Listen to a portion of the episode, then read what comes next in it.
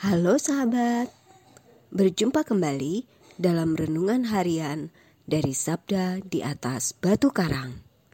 Hari ini, Kamis 20 Oktober, adalah hari pekan biasa ke-29.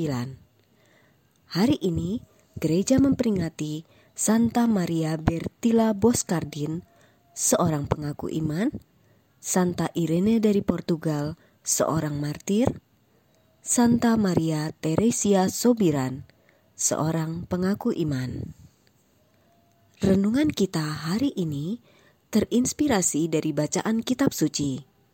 Bacaan pertama dari surat Rasul Paulus kepada jemaat di Efesus, bab 3 ayat 14 sampai dengan 21. Dan bacaan Injil suci dari Injil Lukas, bab 12 ayat 49 sampai dengan 53. Mari kita siapkan hati kita untuk mendengarkan sabda Tuhan.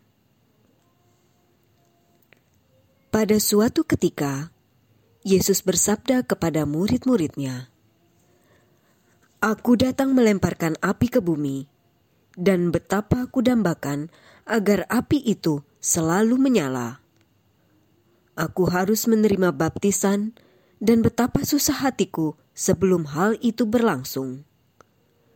Kalian sangka aku datang membawa damai ke bumi?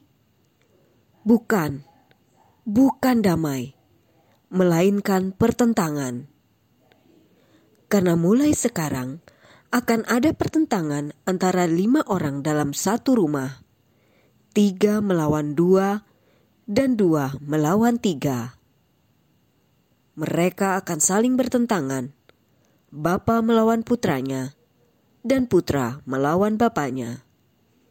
Ibu melawan putrinya, dan putri melawan ibunya. Ibu mertua melawan menantu, dan menantu melawan ibu mertuanya. Demikianlah sabda Tuhan. Terpujilah Kristus. Saudara-saudari yang terkasih dalam Kristus, kehadiran orang baru bisa saja dianggap sebagai suatu hal yang mengganggu kemapanan, yang mungkin akan merubah suasana menjadi tidak nyaman.